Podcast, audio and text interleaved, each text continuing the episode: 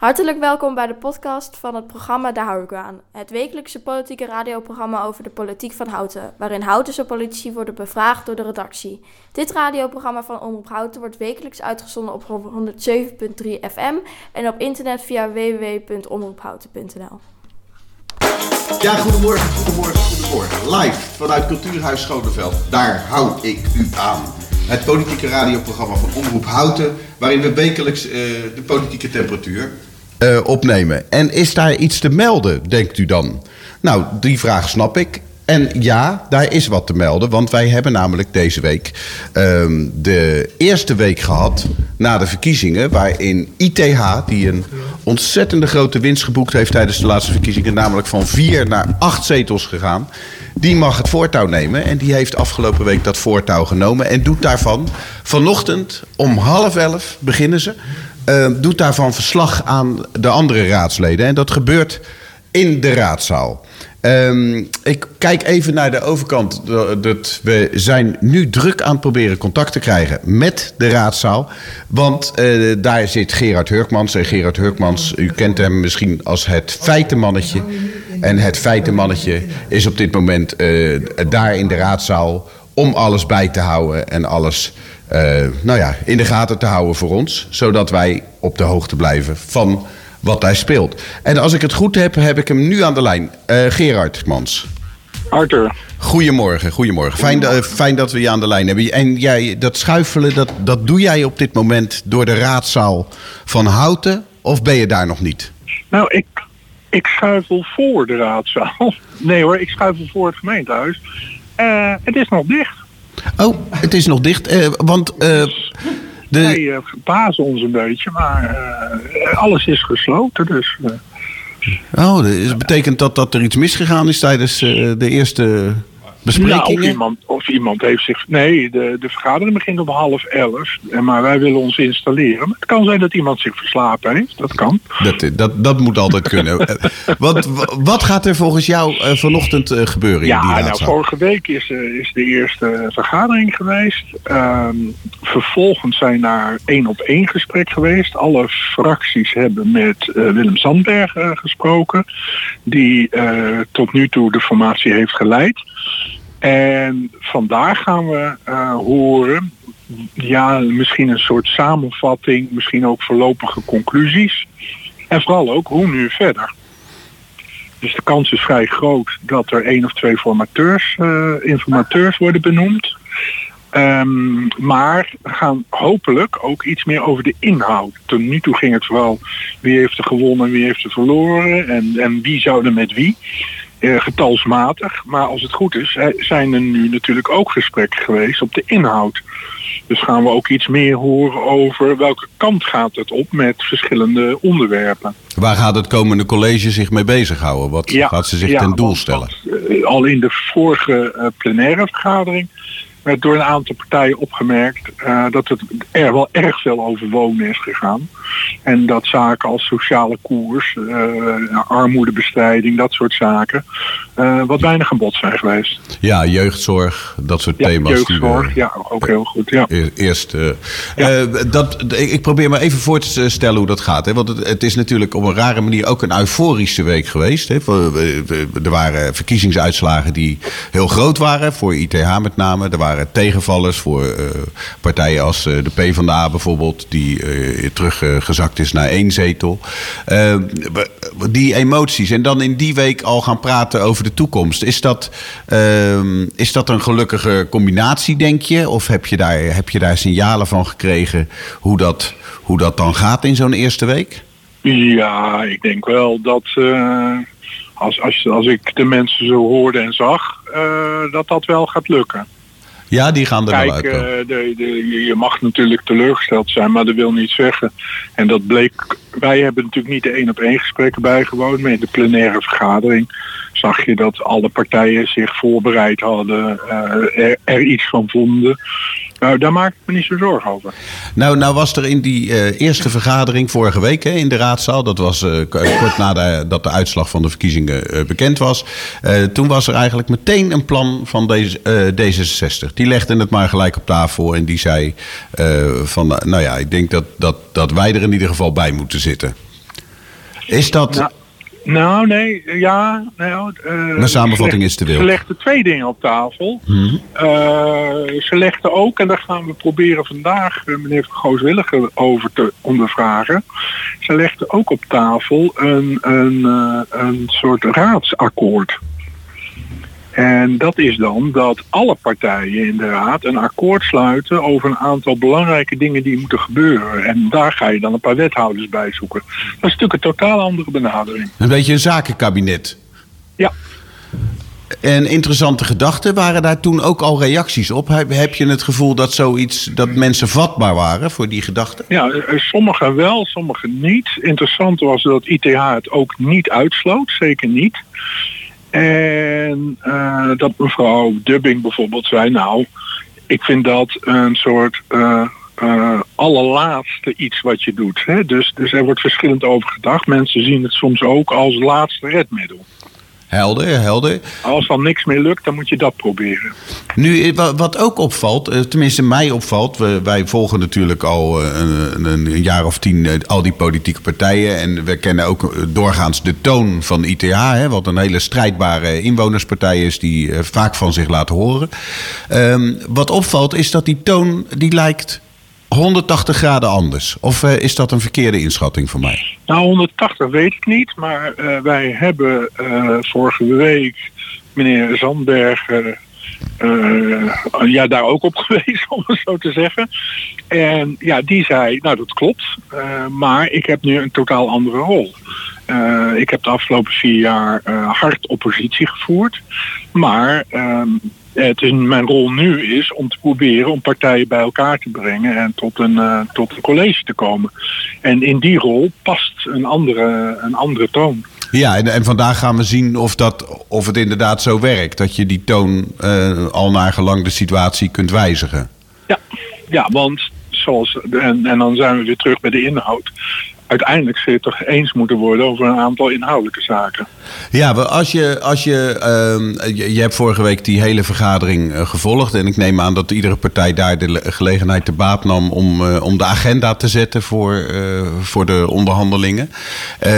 als je kijkt, wat zijn de grote drie onderwerpen die volgens jou een belangrijke rol gaan spelen bij het sluiten van, van een nou ja, ik noem het even een raadsakkoord, maar een, een mogelijk akkoord over, over de toekomst van Houten. Wat zijn de drie thema's die volgens jou beantwoord nou ja, moeten worden? We zijn net, er was wel veel aandacht voor wonen, maar natuurlijk wonen gaat al spelen. Uh, de, de jeugd- en ouderenzorg en uh, duurzaamheid. Duurzaamheid stond ook hoog in. Uh... Ja, ook, en ook de, de, de, de vraag rondom de transitie. We, we hebben natuurlijk nu het probleem met de windmolens die niet van de Raad van State niet mogen worden geplaatst. Maar door de, de ondernemer gedreigd wordt met hele zware boetes als dat niet doorgaat. Nou, daar gaat nog een heleboel gebeuren. Ja, want die, die duurzaamheid hadden houtenaren ook zelf aangegeven dat ze dat een heel belangrijk onderwerp ja. vonden. Ja. Uh, verbaasde je dat? Nee, nee, dat is een heel. Uh, ik heb al een paar keer geweest in vorige uitzendingen op het hele grote onderzoek van, uh, van INO naar uh, gemeentelijke problemen en, en de lokale verkiezingen. En als je dan vraagt aan, aan mensen in Nederland wat is in een gemeente het grootste probleem, dan staat duurzaamheid op drie. En, en de, de eerste twee zijn dan wonen en zorg. Zorg. En in de grote steden uh, veiligheid.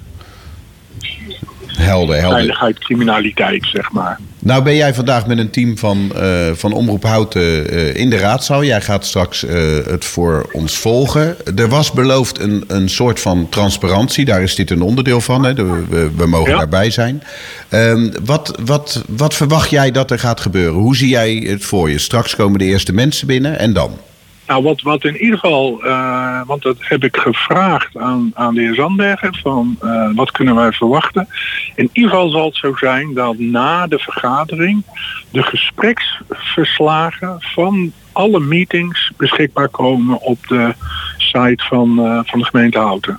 Oké, okay, dus iedereen in Houten kan dan lezen wat er in die eerste week uh, Wat, wat heeft meneer Zandberg uh, met uh, mevrouw de Groot besproken? Nou, dat is, dat is wel echt nieuw Ja. voor Houten.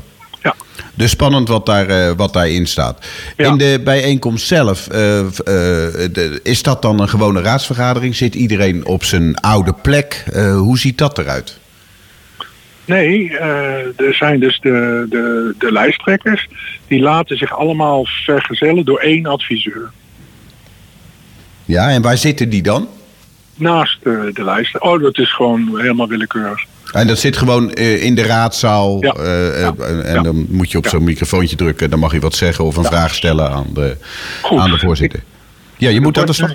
Ja, er wordt gebaard. er- ik moet aan het werk. Je moet Niet aan dat het ik werk. niet aan het werk ben, maar ik snap dat, want wij, er is verder inhoudelijk nog niks te melden. Dank je wel dat je even voor, aan de lijn kan komen. Succes daar. En wij gaan later van je horen. Omroep Houten houdt oké. natuurlijk allemaal Fijne bij. uitzending, Arthur. Dank je wel. Hoi, hoi. Hoi.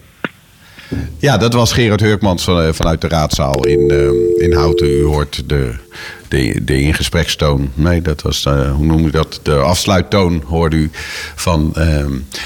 dus daar gaat het nodige gebeuren in de raadzaal. Wij gaan in deze uitzending natuurlijk daar nog even verder over praten. Want wat vandaag ook bekend zou kunnen worden, is eh, als, als ITH daar al beelden over heeft, is eh, wie de formateur gaat worden. En de formateur die gaat dan echt spijkers met koppen slaan en proberen eh, bij de bepaalde thema's die gekozen zijn een meerderheid te zoeken. Ehm, en dat was voor ons aanleiding om eens contact te zoeken zometeen na de volgende plaat met ehm, de formateur van, van vier jaar geleden. Dus daar gaan we zo naar luisteren. Tot zometeen. U luistert eh, live naar eh, Daar hou ik u aan, het, eh, het politieke radioprogramma van Omroep Houten. Waarin we vandaag aandacht hebben natuurlijk voor de vergadering in de raadzaal. Waar ITH straks om half elf gaat vertellen hoe het, hoe het verder moet met de formatie. En dat was voor ons aanleiding om eens te bellen met Hans-Martijn Ostendorp. En voor de mensen die die naam een bel doet rinkelen. Dat was degene die vier jaar geleden de opdracht kreeg van, van Kees van Dalen, zeg ik maar even uit mijn hoofd. Om, ehm, of gebeld is door eh, Kees van Dalen met de vraag van eh, zou je formateur willen worden? En eh, ehm, goedemorgen Hans-Martijn Ostendorp. Goedemorgen. Wat was het antwoord op die vraag? Die, antwoord is, dat antwoord is, die vraag is inderdaad gekomen. Mijn antwoord was ja. Wel in de eerste instantie als informateur. En die rol is later overgegaan in formateur. Ja, want u, eh, u heeft ze eigenlijk allebei gedaan. Dus eh, we hebben eh, met u meteen de juiste persoon te pakken. Ehm, Ja, ik heb inderdaad het begin van de, tot het eind van dat proces gedaan. Want wat is informateur anders dan een, ehm, een formateur die zijn huiswerk doet?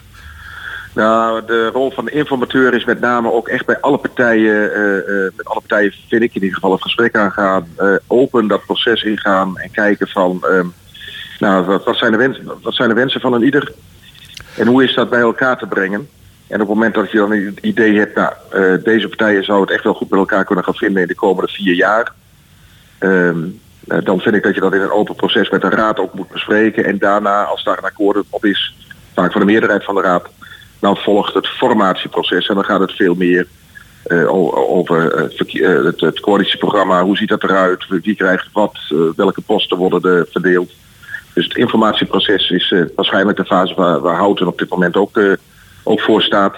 Dat is, moet wat mij betreft altijd een heel open eh, proces zijn waar iedereen zich kan doen. En helpt het dan dat je van, de, van buiten komt? Hè? Want u bent geen houtenaar. Is, dat een, ehm, is, is dat een vereiste voor een informateur? Ik denk niet dat het een vereiste is, maar je ziet het wel vaak.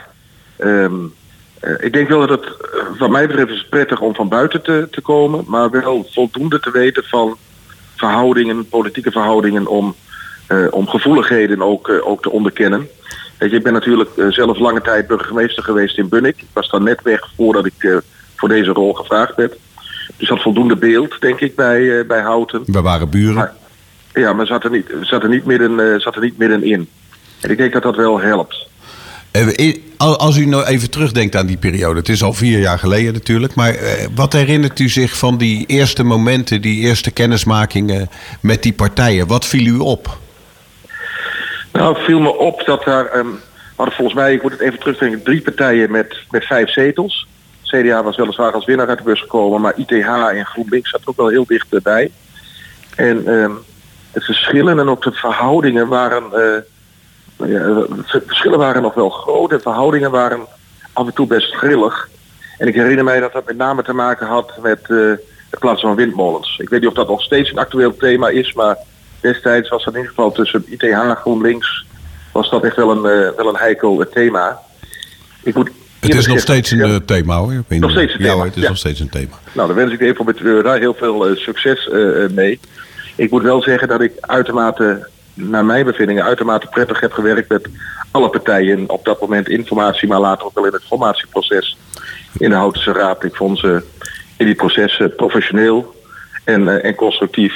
Ondanks dat ze het niet altijd met elkaar eens waren en het ook wel eens scherp uh, kon, uh, kon zijn. Ja, u, u noemde het grillig. U, u, waar, waar wijst dat op? Wat was uw... dat vind ik spannend dat u zegt... Ja, grillig. Misschien is het woord misschien ook is een beter woord grimmig. Het was op een of andere het echt wel, wel, wel scherp hoor, uh, naar elkaar toe. Ik herinner me ook ITH naar VVD en, en, en, en andersom. Uh, er was wel wat gebeurd in die raadsperiode daar, daarvoor tussen mensen in, in menselijke verhoudingen. En daar heeft hij wel mee te maken in zo'n proces. En ik vind het dan belangrijk dat je, dat je echt als informateur met iedereen het gesprek kan gaan en dat daadwerkelijk luistert naar uh, ja, wat, wat speelt hier nu? Wat is, onderliggend? Is dat straks in een formatie eventueel op te lossen tot een, uh, te brengen tot een goede samenwerking? Um, ik heb geprobeerd daarin iedereen uh, ruimte te geven om het woord, echt ruimte te geven om, om, om, om, om in te brengen wat, wat belangrijk voor ze is. En daar houd ik wel een goed gevoel aan over. Ik was onder de indruk terugkijkend van die professionaliteit van de Raad in Houten.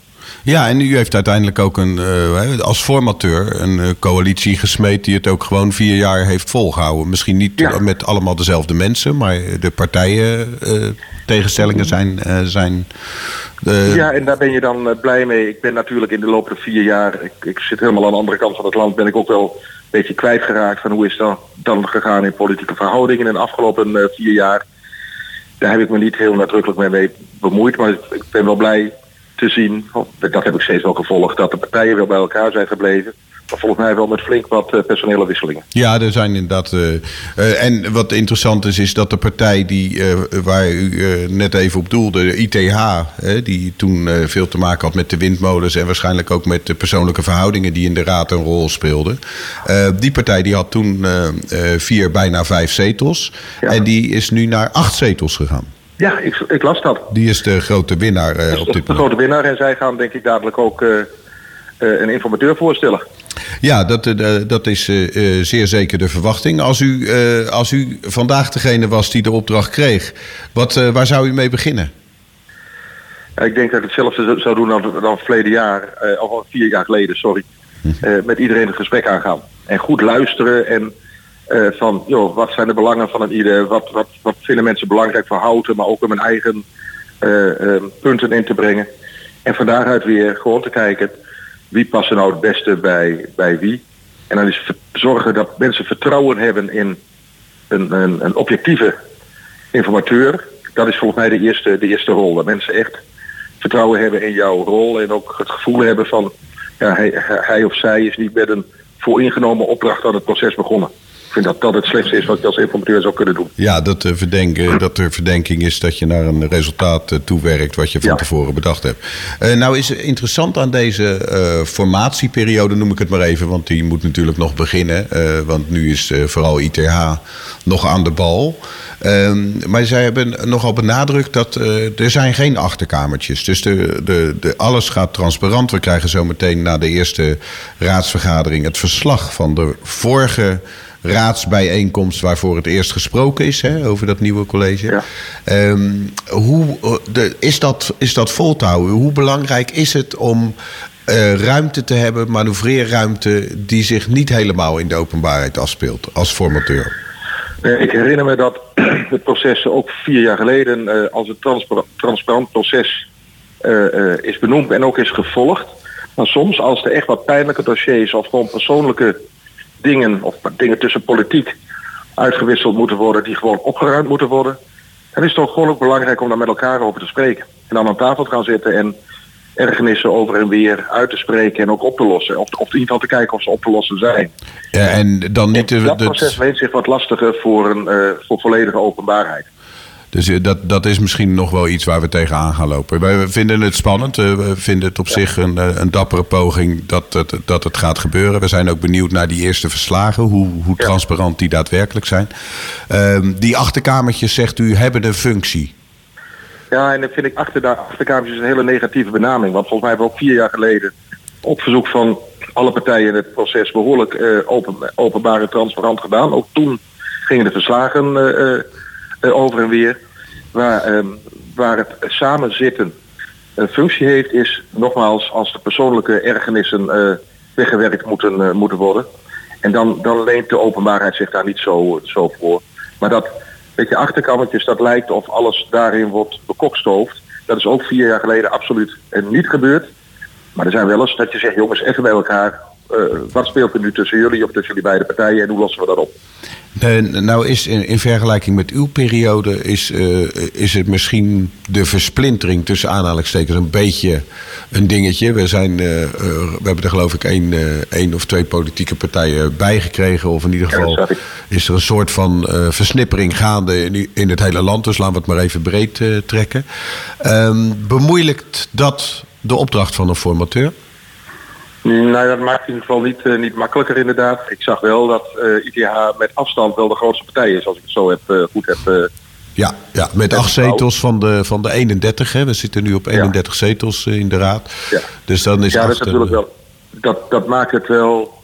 Dat maakt het, de positie wel stevig. En het maakt, en maakt de combinatiemogelijkheden ook, ook groter. Dus dat, dat zou helpen. maar versnippering in algemene zin helpt een informateur in het politieke proces niet. Toen u uh, uiteindelijk klaar was met, uh, met het formeren, wat is dan het gevoel uh, waarmee u de deur uitloopt? Wat is dan het gevoel wat je hebt als formateur, wat je bereikt hebt, wat je bewerkstelligd hebt? Nou, dat het een al met alle stevige klus is, is geweest. Maar voor, ook nog wel wat meer tijd in is gaan zitten dan je vooraf bedacht had. Maar ik moet eerlijk zeggen, ik was, um, ja, ik moet het even terughalen, dat gevoel van vier jaar geleden. Volgens mij was ik, ik, nee, ik was wel tevreden over het feit dat, ik echt het gevoel had, deze vier partijen gaan, kunnen het met elkaar gaan volhouden. Maar er is ook tevredenheid over het proces bij de overige partijen.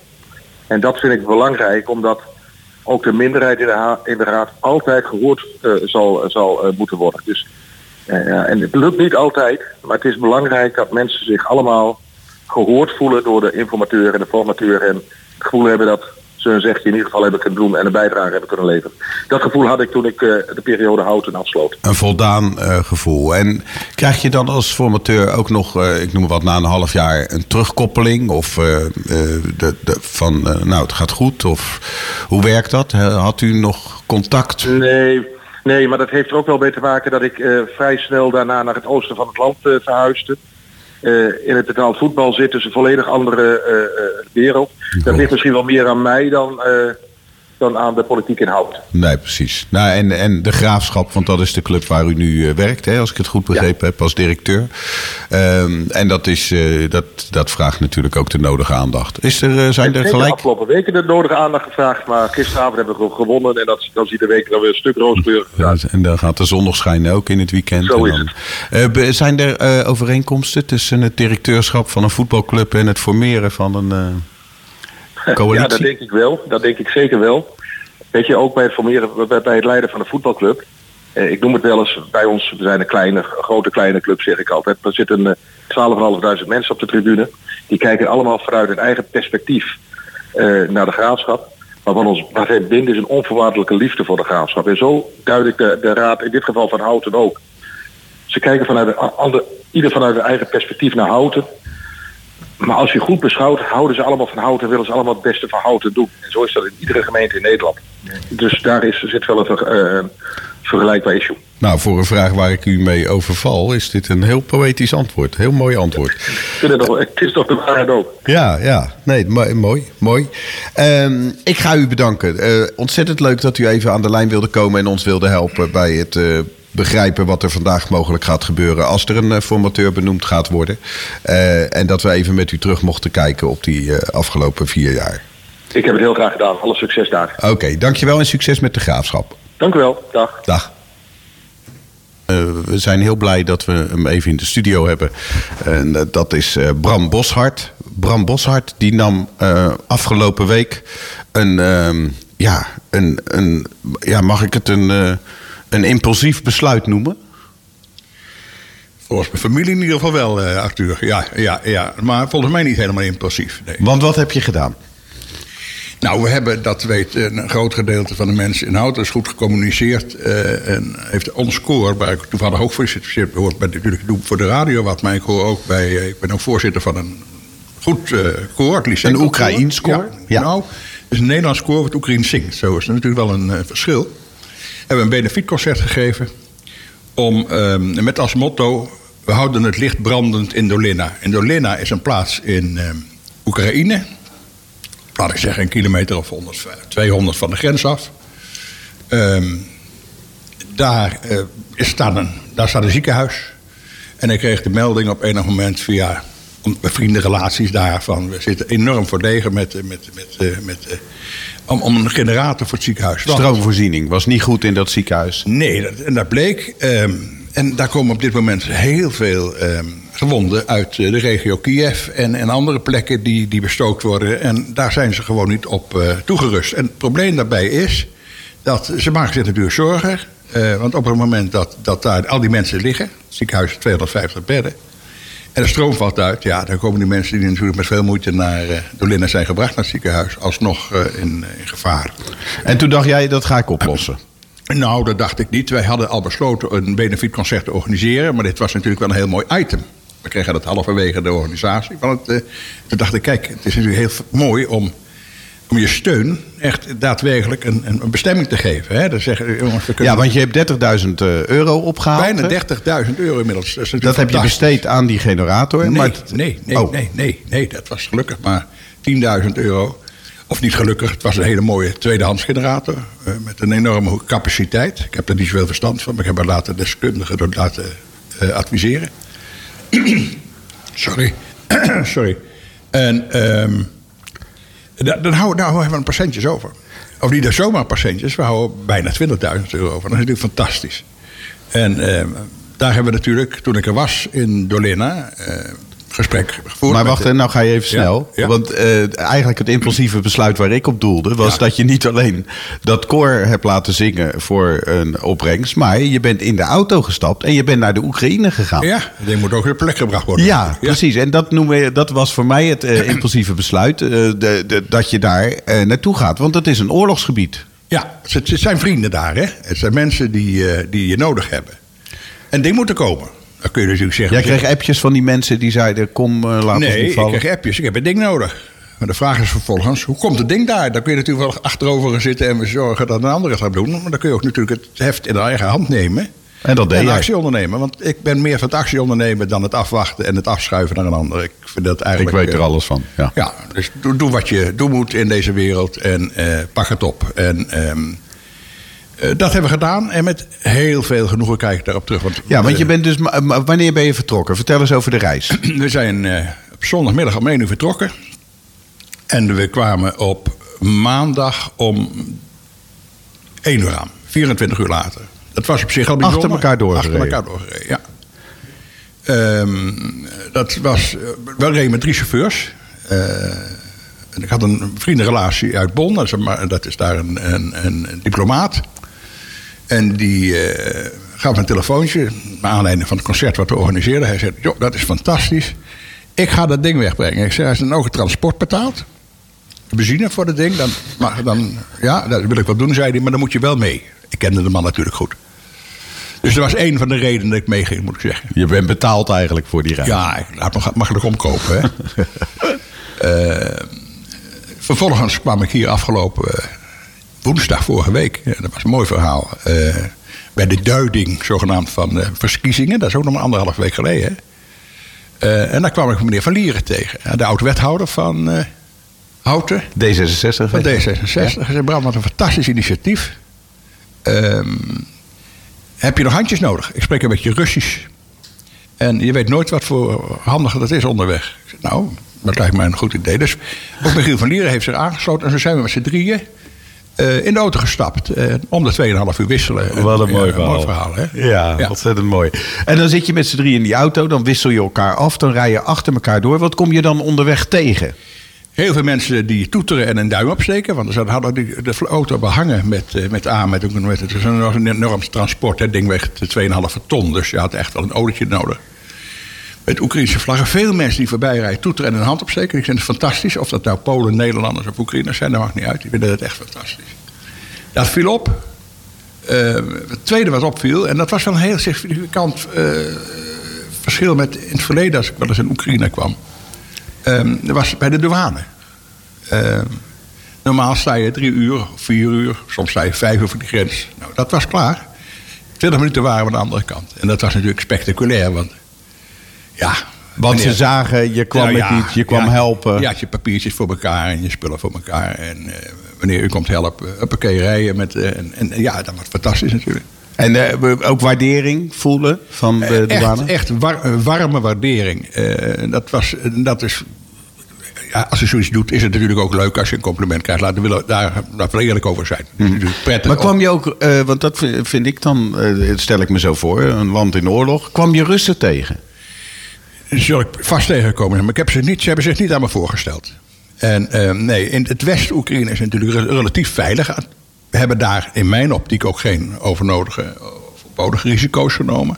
Wat in Nederland veel gedacht. Ze hebben ons als helden beschouwd hier in Nederland. Ja, ik denk, ja, ik weet niet precies wanneer ik dan echt een held zou moeten zijn. Nou, Dat gevoel heb ik geen enkele seconde gehad. Ehm, maar vooruit, het is wat het is. Eh, ik heb daar permanent luchtalarm eh, gehoord. En ik zei, wat is dat? Want ik had, ik had het eerst niet in de gaten. Ik ben een beetje doof, dat weet je, Arthur. Je hebt gewoon wat zachter. Ja, ik zeg gewoon wat zachter. Ik, dat is luchtalarm. Ik zei, oh, nou ja, dan weet ik zei, waar komt die raket dan vandaan? Nou, dat weten we niet precies. Maar dat is een heel groot bereik. Stel je voor, zo'n raket wordt afgeschoten, heb ik begrepen, in, vanuit Belarus, laat ik zeggen, Wit-Rusland.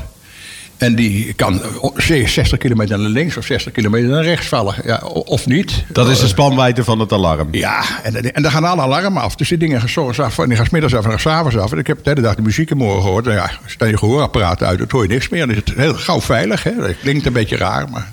En toen kwam je bij het, eh, bij het ziekenhuis. Toen kwam je aan op de plaats van bestemming. Ja, en dan gaat het, eh, gaat het Oekraïnse volksgevoel, de warmte van het volk, echt de mooie mensen, komt dan, eh, komt dan los. Dan moet er gezongen worden. Dan moet er, Maar hoe, ga- hoe gaat dat? Jij komt aanrijden en wat, wat zie je dan? Eh, De, de mensen burgemeester. Die staat klaar te wachten als die weet dat hij komt. Eh, de lokale burgemeester klaar. De directeur van het ziekenhuis staat klaar. De financieel directeur van het ziekenhuis staat klaar. Een hijskraan die moest nog even komen. Ze dachten- hadden gedacht dat we wat later zouden komen. Dan wordt er eerst een mis opgedragen. Want het moet natuurlijk wel met, met, met Met de zegen, moet het zegen. allemaal goed komen. Nou, daar zijn we natuurlijk ook heen. Dat is op zich dan heel mooi, want we zijn een koor. Dus ik vind die muziek op zich natuurlijk ook nog mooi. Ook die liturgische muziek is erg bijzonder. Eh, dus dat geeft dan wel een prettig gevoel. Je kan eens even ontspannen, hè? En, Ja, want eh, de, de, de emoties, eh, iets meer over de emotie. Want ik kan me ook voorstellen dat die mensen allemaal denken van... ja, het is oorlog, er kan luchtalarm zijn. Of was dat, is het dan toch gewoon een alledaagse dag in Het is een alledaagse dag eh, met die verstanden. Dat er, we hadden een groep van 15 mensen of 20 mensen om ons heen. Eh, en die emoties waren groot. Er was, werd veel gehuild en getraand, weggepoetst en zo. Dat, eh, ja, komen is dat altijd uit, uitermate emotioneel. Bovendien, vergeet niet, we zijn heel uitgebreid gecomplimenteerd, ook door hen, van... Jullie zijn helden dat je hier naartoe komt, want de meeste mensen zetten de rommel af voor de grens. En die zeggen, kom het hier maar halen, maar ik doe geen, geen poot over de grens, want het is levensgevaarlijk. Nou, dat heb ik niet ervaren. Ik heb alleen ervaren dat de mensen het fantastisch vonden. Dat geldt zelfs voor Michiel en voor Stefan, de mensen met wie ik ging. Eh, dat we daar persoonlijk, in eigen persoon, ook een, mor- een moreel ondersteuning gaven. En Dat, dat hebben ze wel heel, heel erg gewaardeerd. Iedereen hè? Want wat zeggen, wat zeggen de mensen tegen je als... eh, Ja, ze, we vinden het zo fantastisch jullie, dat jullie de, de, de moeite nemen hierheen te komen. Niet eh, weg te kijken of weg te zijn en alleen maar spullen te brengen. Wat natuurlijk fantastisch is. Maar gewoon door fysiek hier aanwezig te zijn, dat is een enorme steun. Ik kan me dat ook voorstellen. je gaat ook, eh, als iemand in het ziekenhuis zit, ga je daar persoonlijk op bezoek. Dat doe je niet van je telefoontje of een appje. Dat is een wezenlijk verschil. En zo zie ik dat ook nu ook een beetje. eh, je komt daar dan aan, eh, neem je dan een hotel of hoe gaat dat? Alle hotels zitten vol. Er was één hotelkamertje. Ik had nooit gedacht dat u met de wethouder van Houten nog ooit op één slaapkamer zou liggen. Nou, toch was het het geval. Sterker, met z'n drieën op één slaapkamer. Een zolderkamertje, het laatste beschikbare van alle hotels. In Maar je zegt die hotels zijn vol. Waarmee dan? met vluchtelingen. Die, want wij denken dat de vluchtelingen in auto zitten. En in Nederland. En in, maar de natuurlijk is het eerste wat de mensen doen in Kiev. Die gaan hun land niet uit als het even niet hoeft. Die gaan op een wat veiligere plek in hun land zitten. Dus Hoe ver ligt deze plaats van, 120 kilometer denk ik van de grens. Misschien 100, Van- 200, misschien 200. en van Kiev? Van Kiev 400 of 350 fruit. Dus die mensen zijn daar naartoe gekomen om, om daar eh, opgevangen te worden, eigenlijk in hun eigen land. Ja. Ja, we hebben gezien als je de, de kaart nog even voor de geest haalt. Iedereen kent inmiddels. We hebben de Dnieper, hè, dat is die, die, die, die, die brede rivier die eigenlijk Oekraïne dwars door midden snijdt. Als de kaart voor je houdt. En is aan de rechterkant is, is dan, eh, is dan Oost-Oekraïne van de. En links is West-Oekraïne. En daar gebeurt relatief weinig. Ja, er is inderdaad op 20 kilometer of 50 kilometer van de plek waar ik was... is een, wel een, een paar raketten neergekomen op een militair vliegtuigveld. Maar dat was het.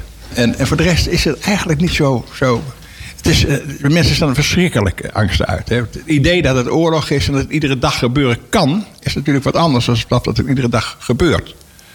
Ehm, dus ik, ik moet je, ja, dat klinkt misschien wat overdreven, maar ik heb echt geen angst gehad. Geen seconde. Ik heb geen moment gehad. Ik denk, ik moet hier wegwezen. En een hele mooie herinnering er eigenlijk aan overgehouden. Fantastisch. Die mensen, het is eh, fantastisch. En, en we hebben natuurlijk niet wat geld over. En, het misschien ook wel aardig om dat even nu te verantwoorden aan de mensen waar we, die er allemaal hebben bijgedragen. Die, die we ontiegelijk dankbaar zijn. En ook de mensen in Oekraïne zijn daar heel dankbaar voor. Het ziekenhuis waar we kwamen, ik heb daar fotootjes van. Ze gaat vast nog op internet verschijnen. Eh, die hebben een gebrek aan eh, spullen om een, bijvoorbeeld een been of een arm te amputeren. Stel je dus voor, dat, is een regionaal ziekenhuisje. Die zeggen, we hebben geen normaal operatiebed, we hebben geen tangen, we hebben geen, de meest basale eh, producten ontbreken. Eh, dus in de vergadering heb ik daar de directeur gezegd, zet het eens op een papier wat ontbreekt. En zet bij de eerste tien meest essentiële eh, zaken een sterretje. Dan gaan we kijken of we dat eh, van dat geld wat we nu hebben, of we dat in orde kunnen maken. Want het is toch mooi, niks mooier, laten we wel wezen, dat als je buurman in de problemen zit, of je vriend in de problemen zit, zo beschouw ik het dus nu, dat je die primair helpt.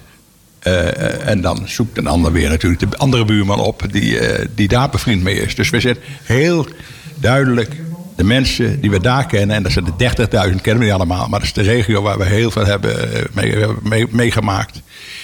Die zetten we wat ons betreft in dat middelpunt van de hulp.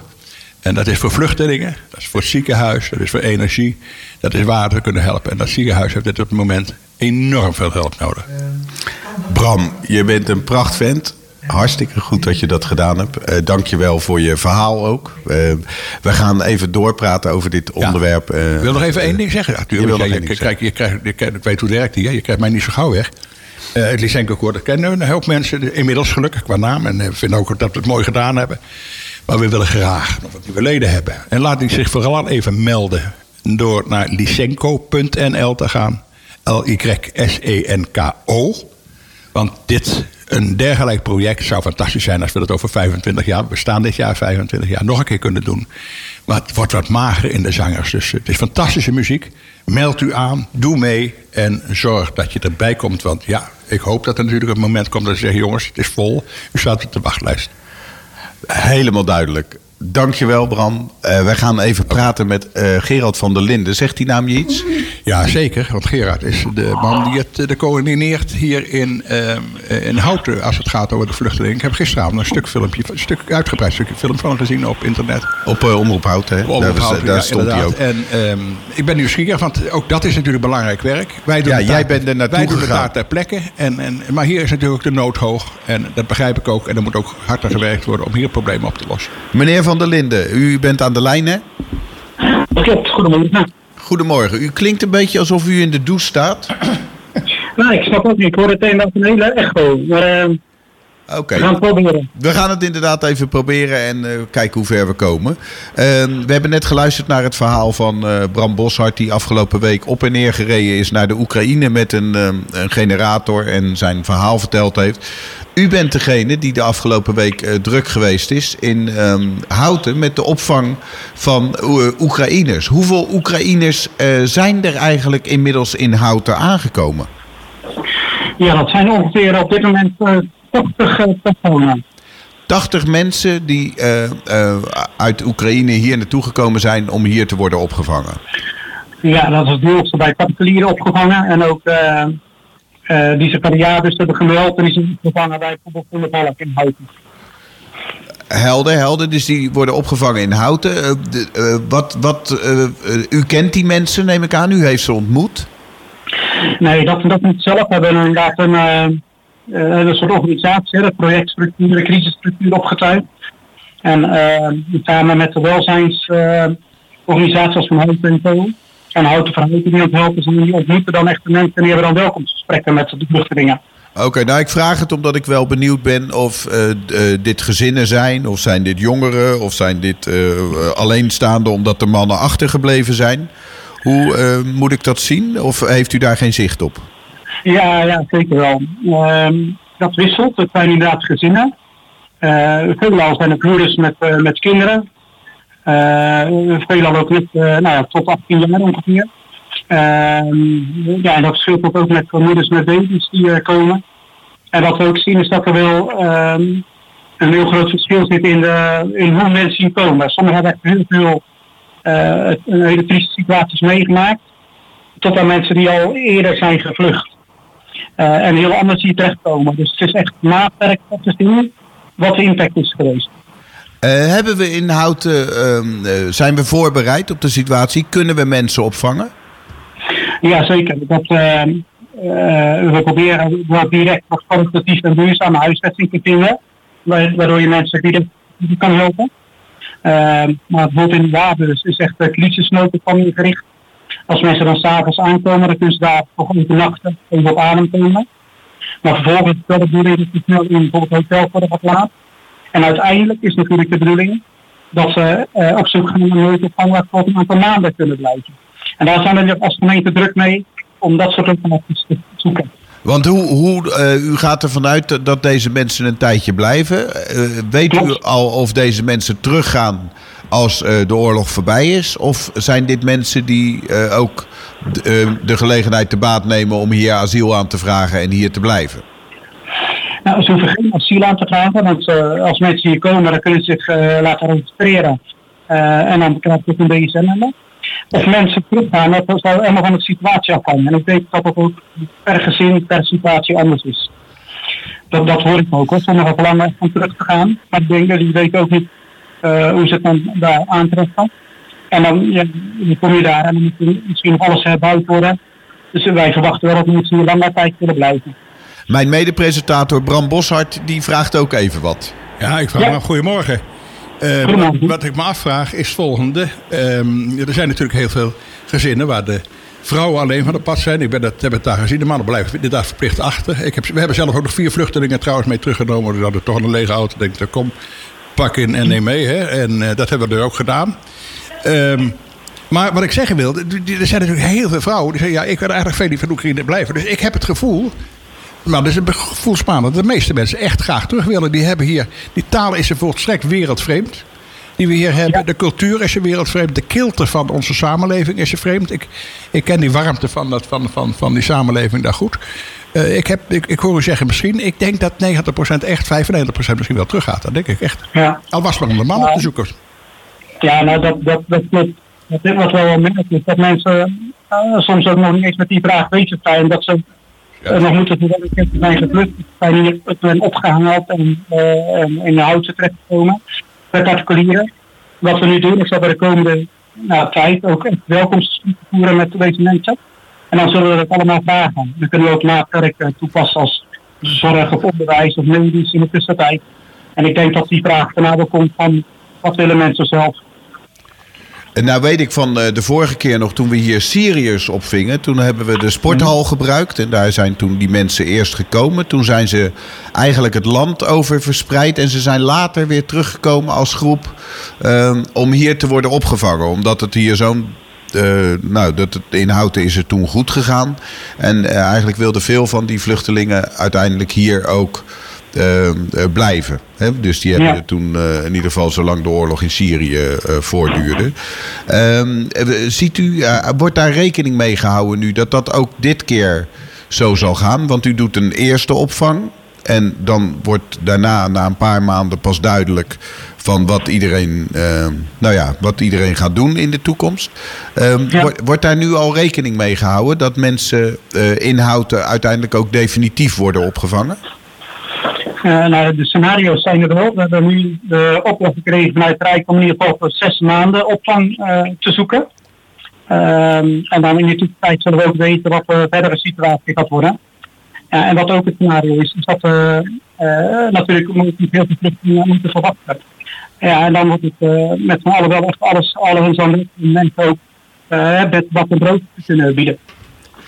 Ik ga, u, eh, ik ga u bedanken, meneer Van der Linden, voor een, eh, een Ja. informatief gesprek. Het was af en toe moeilijk eh, te verstaan, maar ik denk dat de grote Ja, wel overgekomen is.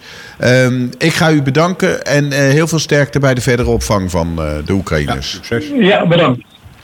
Eh, en dan praat ik nog even door in de studio met eh, eh, Bram Boshart en ehm, Stefan van der Steen, die achter de knoppen staat en ons technisch voortdurend ondersteunt. Hij kon niks doen aan de kwaliteit van het telefoongesprek. Ik denk dat het een, een, moeilijk punt was op de weg waar hij met zijn mobiel eh, niet goed werd doorgegeven. Maar goed, we gaan, ehm, we gaan nog even doorpraten. Bram, je onderbrak al even. Je zegt ja, die mensen die, die willen terug. Want Oekraïne is zo'n warm land, zo'n warm bad. Wat ik daar, en ik moet zeggen, ik moet oppassen dat ik nu, doe, dat ik nu niet doe of ik weet hoe Oekraïne in, elkaar steekt. Hè. Laat, laat ik daar wel duidelijk over zijn. Maar ik ben natuurlijk wel in Donetsk geweest, op ben in Kharkov geweest, ben in Kiev geweest. Die plekken die nu gebombardeerd worden, kennen ze. Ehm, maar de mensen waar wij komen en waar ik me eh, groot bij thuis voel, dat is die stad Dolina. Daar heb je op een zeker moment een band mee. Daar heb je veel vrienden en kennissen zitten. En, en daar, daar, groei je dus nou, groei je mee op. Ik kwam daar inmiddels één keer per jaar. Dat is ook tien jaar geleden nooit gedacht hebben. Maar ja, dingen lopen soms zoals ze lopen. Ehm, Oekraïne is een hele muzikale mensen. Het is een andere cultuur. Het is een volstrekt andere cultuur. Als ik daar kom, veel, niet in die grote steden, maar vooral op het wat platteland, kleinere dorpen, lopen ze echt ten opzichte van ons al een jaartje 30, 40 achter. Het zijn ook vaak families van Russen. Ja. hè? 11 miljoen Ja, mensen ja, hebben familie in Rusland. Ja, ja, dat ook hoe, zo. Hoe wordt, dat, eh, hoe wordt dat beleefd? Ik bedoel, ik kan me voorstellen dat je in een soort van shock bent als je ineens door je, buur, eh, door je familie wordt aangevallen. Nou, dat is wat je ook, ook, ook ziet en leest. Hè? Dus, dus, dus eh, moeders die in, in, in, in, en oma's die in, eh, in Rusland wonen, die getrouwd, en waarvan de dochter eh, in Oekraïne woont en met een Oekraïne is getrouwd. En die moeder in Rusland die heeft geen flauw benul waarom die oorlog gevoerd wordt. En die, krijgt, die hoort alleen maar in wat Poetin is. En die begrijpt ook niet waarom die uh, Oekraïners zich uh, zo agressief opstellen richting de Rusland. Dus dat er hele families dreigen uit elkaar te vallen. Dat heeft allemaal met die rare informatie te maken. En daar kun je een hele uitzending aan wijden natuurlijk. Desinformatie. Dat is natuurlijk een heel interessant onderwerp. Ik heb gisteravond nog iets gezien op eh, NPO 1 toevallig. Daarover, of op 1 heet het geloof ik. Maar propaganda en helemaal negatieve propaganda. Ja, je kunt mensen, als je ze maar lang genoeg manipuleert en informatie geeft wat niet klopt, dan gaan ze het geloven. Maar de, de, is, is er uh, in die families een soort besef dat deze oorlog aan het ophouden is? Of uh, denken ze dat het nog erger moet nee, worden? Ik hoor, alleen maar, ik hoor over Poetin en kan dat een hele uh, mooie samenleving zijn. Maar Poetin die moet op hoe die om zijn leven wordt gebracht, zou ik, moet, zou ik me niet uitdrukken. Maar daar zijn, hebben ze een heel creatieve oplossingen voor. Ja? ja ongeacht welke, welke, welke, welke meneer of mevrouw of jong of oud je, je treft. Poetin is de grootste boze genius. En is, uh, hoe kijken ze naar hun eigen premier, Zelensky? Ja, dat is, die, die, die man is natuurlijk vorige keer met een enorme meerderheid ook gekozen.